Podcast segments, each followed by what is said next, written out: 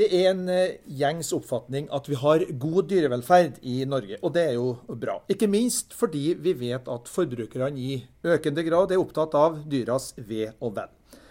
Skal Tine opprettholde en god posisjon blant forbrukerne, så må det hele tida jobbes ytterligere med forbedringer basert på både på kunnskap og innsikt.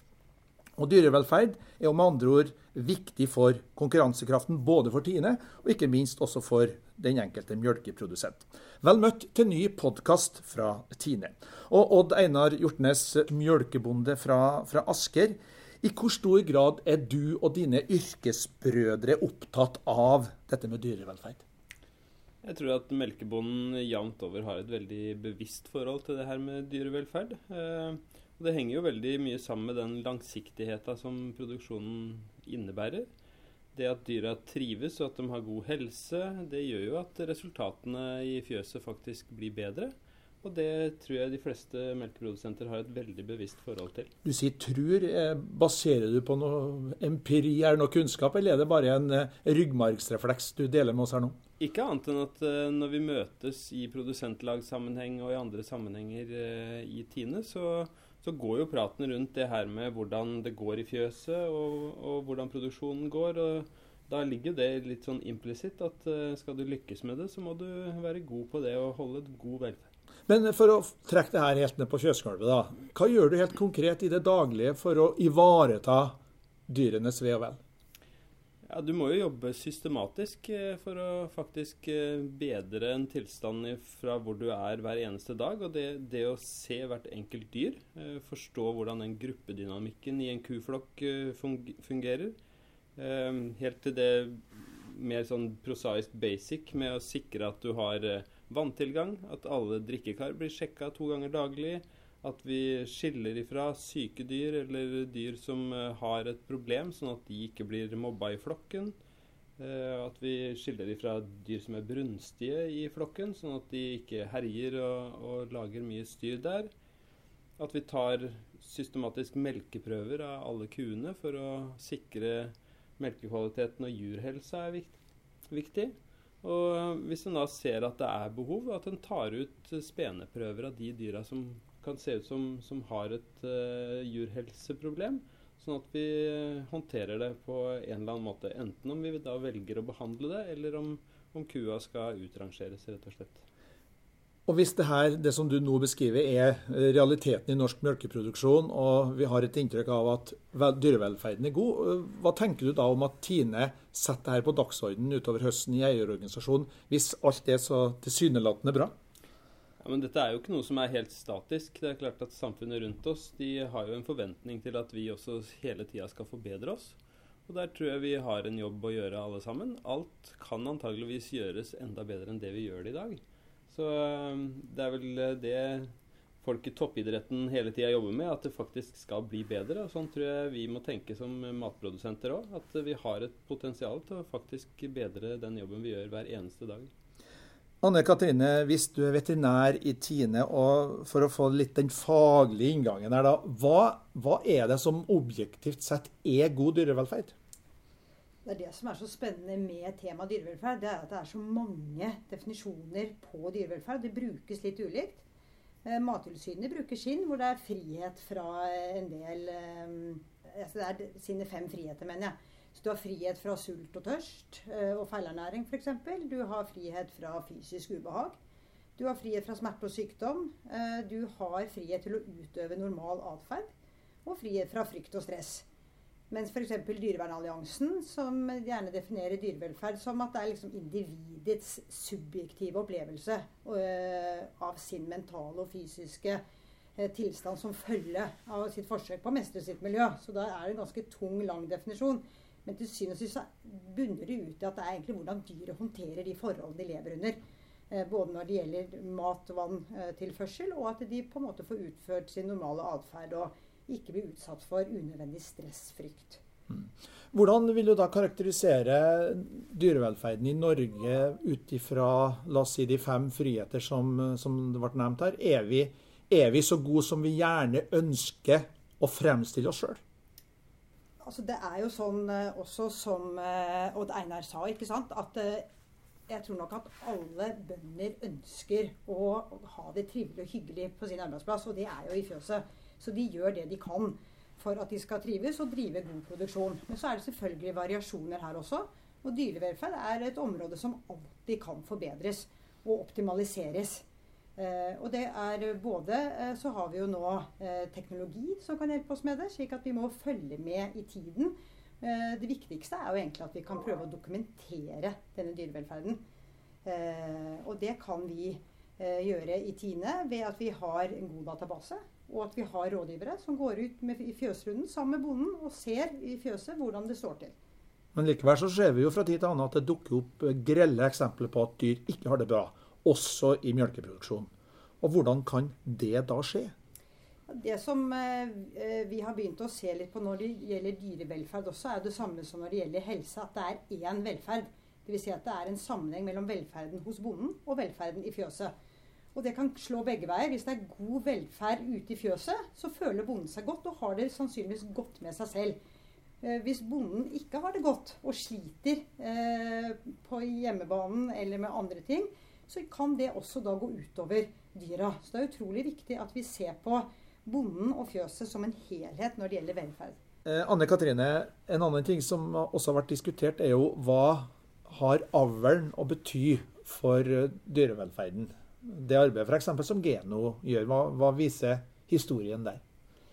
Nei, det som er veldig bra og positivt med avlen på NRF-en, altså norsk rødt fe-rasen, som er den helt klart dominerende rasen uh, i Norge, det er jo at de har et bredt avlsmål. Dvs. Si at de eh, avler på mange ulike egenskaper.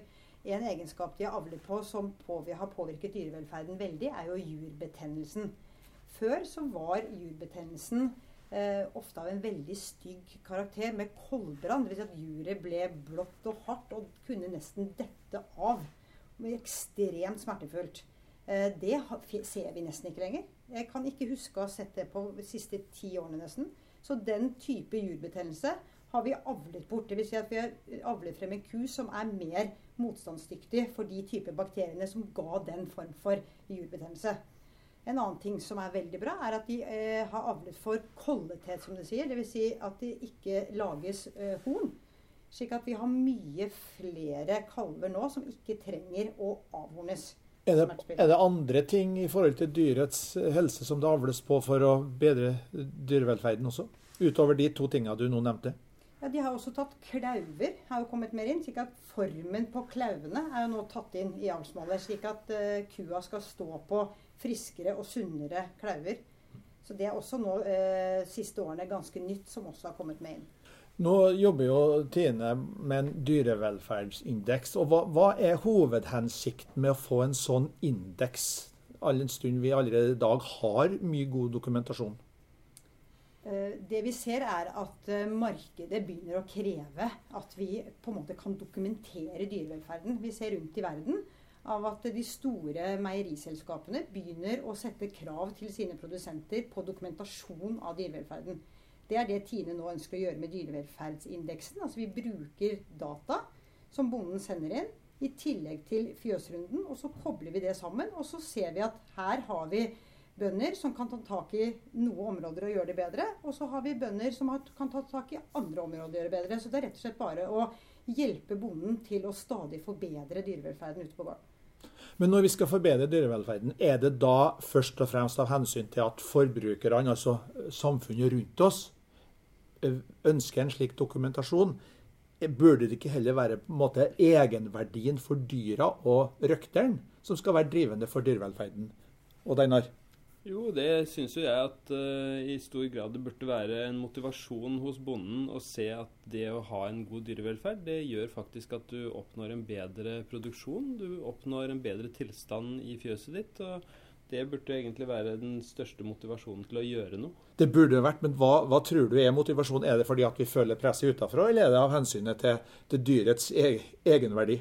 Ja, Det er nok en kombinasjon. De fleste forstår jo at uh, det jo, har jo ingen hensikt at vi produserer en hel masse melk og kjøtt hvis vi ikke klarer å selge det ut i den andre enden. Sånn at uh, de fleste forstår jo at har du ikke tillit i markedet til det produktet du leverer, ja vel, så, så er det faktisk vanskelig å få avsetning for det. da. Mm. Eh, Sindre Aanonsen, du er kommunikasjonssjef i, i Tine og har sittet stille her eh, lenge nå og hørt på. Eh, hvor viktig er omdømme, eller rett og slett hvor viktig for omdømmet er god dyrevelferd? Altså Jeg pleier å si det de gangene jeg får anledning til å, til å snakke med, med, produsentene våre, melkebøndene våre, at uh, Tines omdømme det starter på gården. Uh, for, og, og, vi vet jo litt om forbrukere og deres forhold til dyrevelferd. fordi at uh, de siste årene så har det vært gjennomført en uh, sustainability index, uh, eller utarbeidet en sustainability index. Og det er altså bærekraft. bærekraftindeks. Mm. Som forteller noe om forbrukerens preferanser og hva de legger vekt på når de kjøper et produkt. Og, og, og, hva de på en måte knytter opp til hvorvidt produsenten gjør ting på en ordentlig måte. Sagt. Og da vet vi at dyrevelferd faktisk inngår blant de tre viktigste eh, forholdene som, eh, som forbrukeren vurderer eh, et selskap eller en produsent på.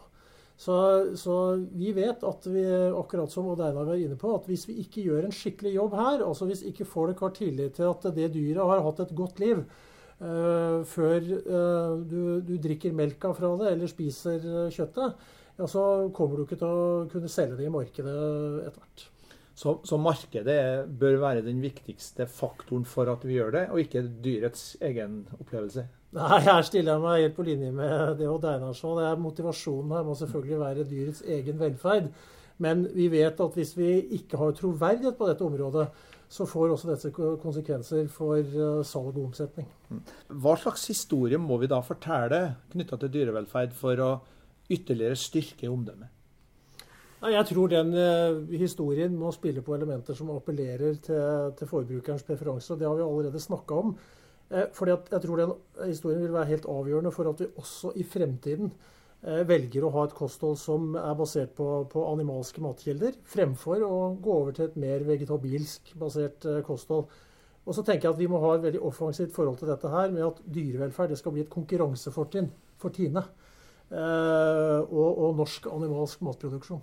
Så er det jo viktig kanskje å få fram i den sammenhengen at det, det, her med hvor maten kommer fra i Norge, det er jo basert på litt hva som er vårt ressursgrunnlag naturgitt fra, fra naturens side òg. Altså, vi har et uh, areal i Norge som kan brukes stort sett til å dyrke gras på. Og da må en faktisk uh, klare å få brakt det gresset inn i en form som gjør at forbrukeren kan bruke det som mat. Og da er drøvtyggeren en uh, uovertruffen uh, dur i så måte. Men hvilke enkeltfaktorer er det i behandling av dyra som er viktigst i forhold til dette med folks uh, oppfatning av Tine? Altså hva som er, gjerne bruk faguttrykket, driverne for, for god dyrevelferd? Ja, jeg, jeg, jeg, satt her og tenkte litt på det som Anne Katrine snakka om. Én eh, ting er alle disse uh, harde fakta vi har. Alt det vi registrerer i databasene våre når det gjelder kuas helse. En annen ting er folks oppfatning av hva som er god dyrevelferd. Og Neder i Europa så vet jeg at man, man snakka mye om happy cow-prinsippet. Altså den lykkelige kua. Og, og, da er vi inne på liksom det følelsesbaserte.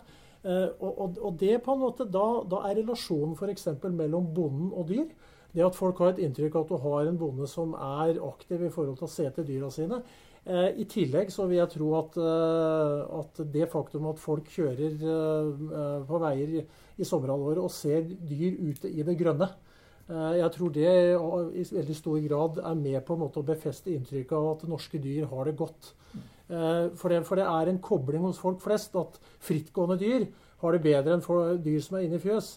Og så kan jo vi peke på at eh, det å ha kontroll på dyret eh, på mange måter eh, gjør dyrets hverdag tryggere. Men igjen, her er vi inne på en følelsesbasert arena. Jo, men følelser er også en, en realitet. Og, og Einar, hva tenker du om at eh, i forhold til omverdenen, at dette med følelsene hos, hos dem som ikke står i næringa sjøl, at det er en viktig faktor i forhold til hvordan dyrevelferden blir oppfatta? Det er klart at Den oppfatningen vanlige folk som ikke har en direkte tilknytning til matproduksjon, eh, den formes veldig av eh, hva som er eh, sosiale medier i dag. Men vi kan jo bare ta en titt på hva som skjer når vi åpner dørene til norske gårdsbruk. Altså Åpen gård er jo en lang tradisjon i Norge. Og noen gårder, sånn som Bygdøy Kongsgård her i Oslo, de har jo gjort det til en stor happening hvert eneste år, det her med kuslipp. Eh, vi skal ikke lenger enn til Danmark for å se at kuslipp det er en nasjonal eh, happening som, som, tusenvis av byfolk reiser ut på landet for å få med seg, faktisk. Eh, og det betyr at eh, det som er den vanlige driftsformen i Norge, som er nedfelt i lov og forskrift om at dyra skal ut på beite i sommerhalvåret, ja vel, det er, opp, det er folk opptatt av. Og det er klart, det gir jo noe for kua å komme ut i sollyset. Det er jo ikke noe å lure på det. Du ser jo det når kua kommer ut og myser mot sola, at uh, dette er bra. Uh, fra et faglig ståsted, Anne Katrine. Det, dette med følelsene som, som, folk har i forhold til dette temaet. At man nærmest menneskeliggjør uh, våre egne følelser over på dyr. Dette med f.eks. ku-kalv-problematikken, at du skiller dyr. Altså, er, det, er det en uh, ting som dere i fagmiljøet også er opptatt av? Ja, vi er uh, opptatt av det. Og vi ser jo det at det er ganske vanlig at mennesker uh, legger menneskelige tankesett og følelser over til dyr. De gjør det hos hunder og katter, og de gjør det også over i produksjonsdyr. slik at vi Ja, Men er det feil? Er det feil å gjøre det, eller er det riktig?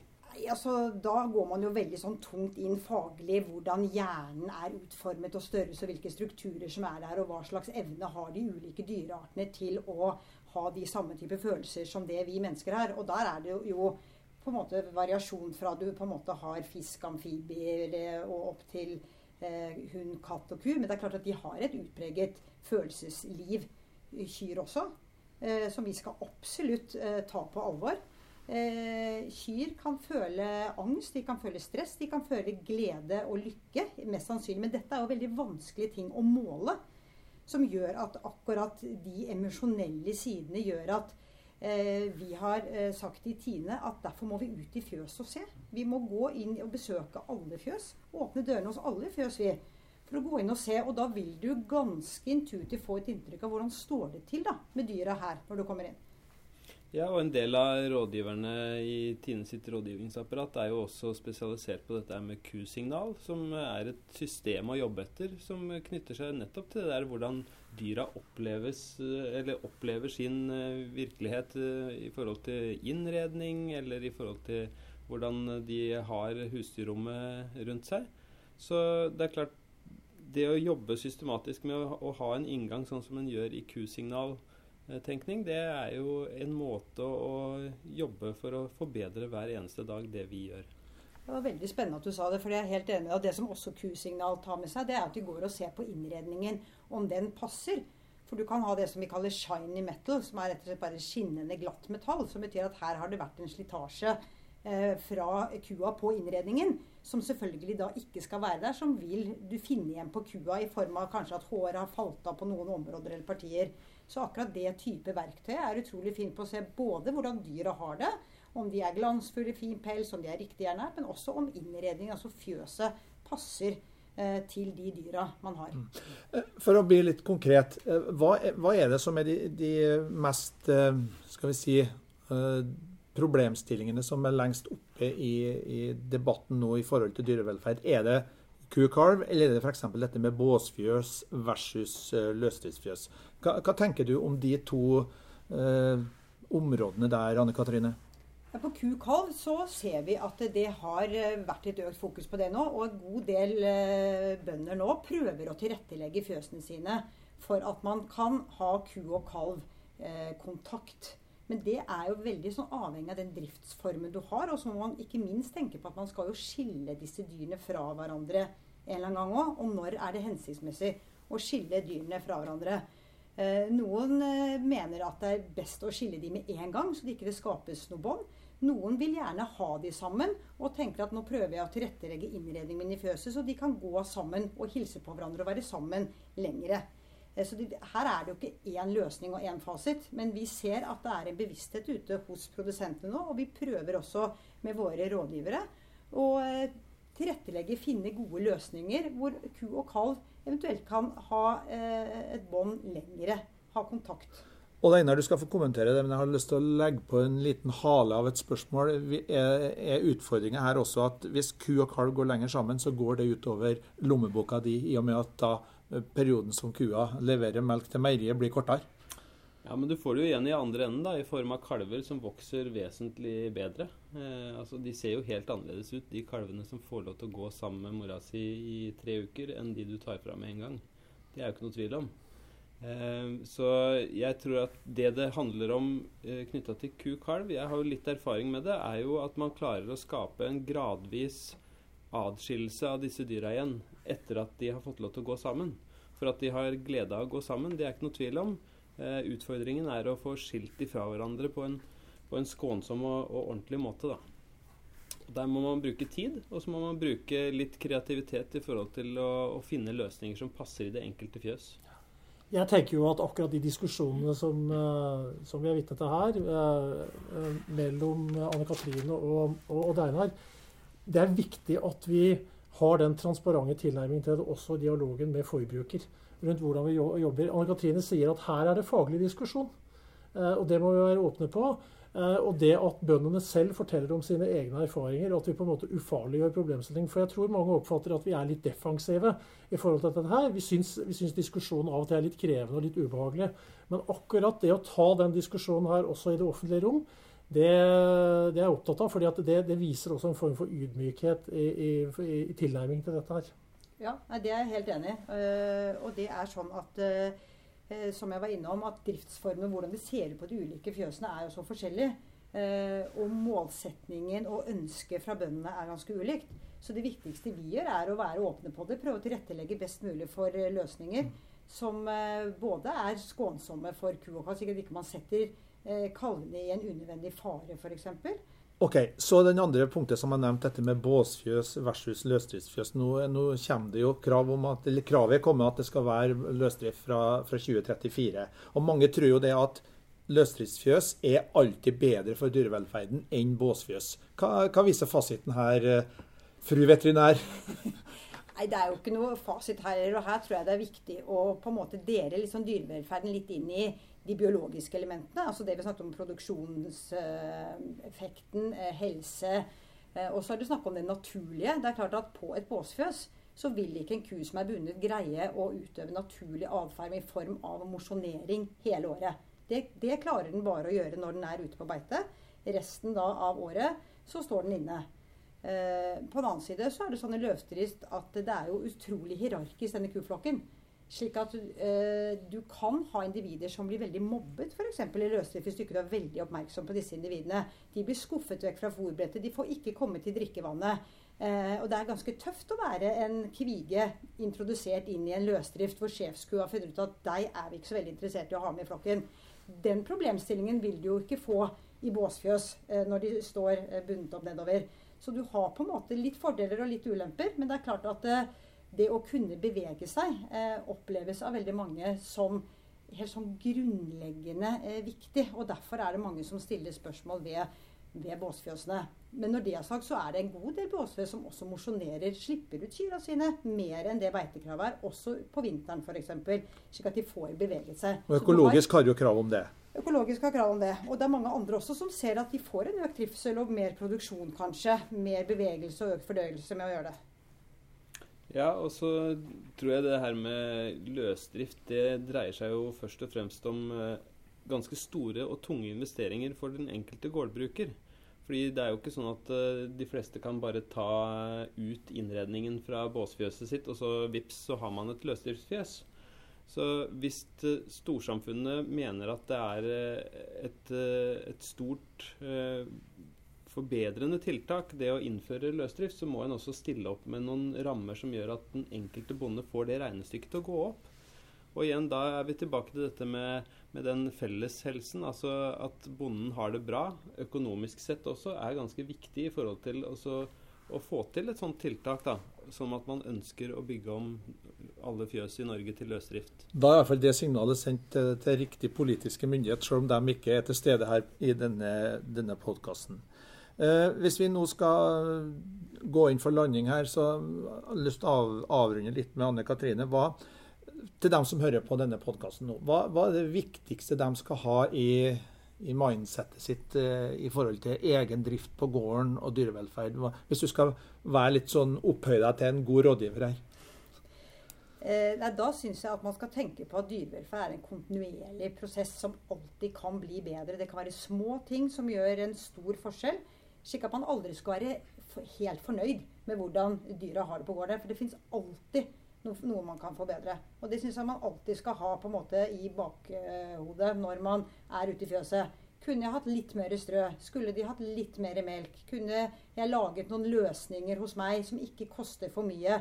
på innredning f.eks., som gjør at trivselen kan øke hos dyra. Prøve å se de kortsiktige og langsiktige eh, investeringene, målene, som en ønsker å nå. Da. Men jeg tror det viktigste egentlig er å ha et mål. Hvordan, hvis jeg kunne liksom velge helt selv med ubegrenset eh, penger, hvordan ville jeg hatt det på gården min? Og hvordan kan jeg gradvis kanskje nå det målet? Ok, Det får bli en uh, høvelig avrunding. Uh, I tida framover så vil det jo være da aktiviteter med dyrevelferd som tema i eierorganisasjonen. og Hensikten da er å få faglig input, men også at bønder seg imellom kan diskutere praktiske erfaringer med utgangspunkt i god dyrevelferd. Vi oppfordrer alle til å delta i produsentlagenes aktiviteter utover høsten og vinteren.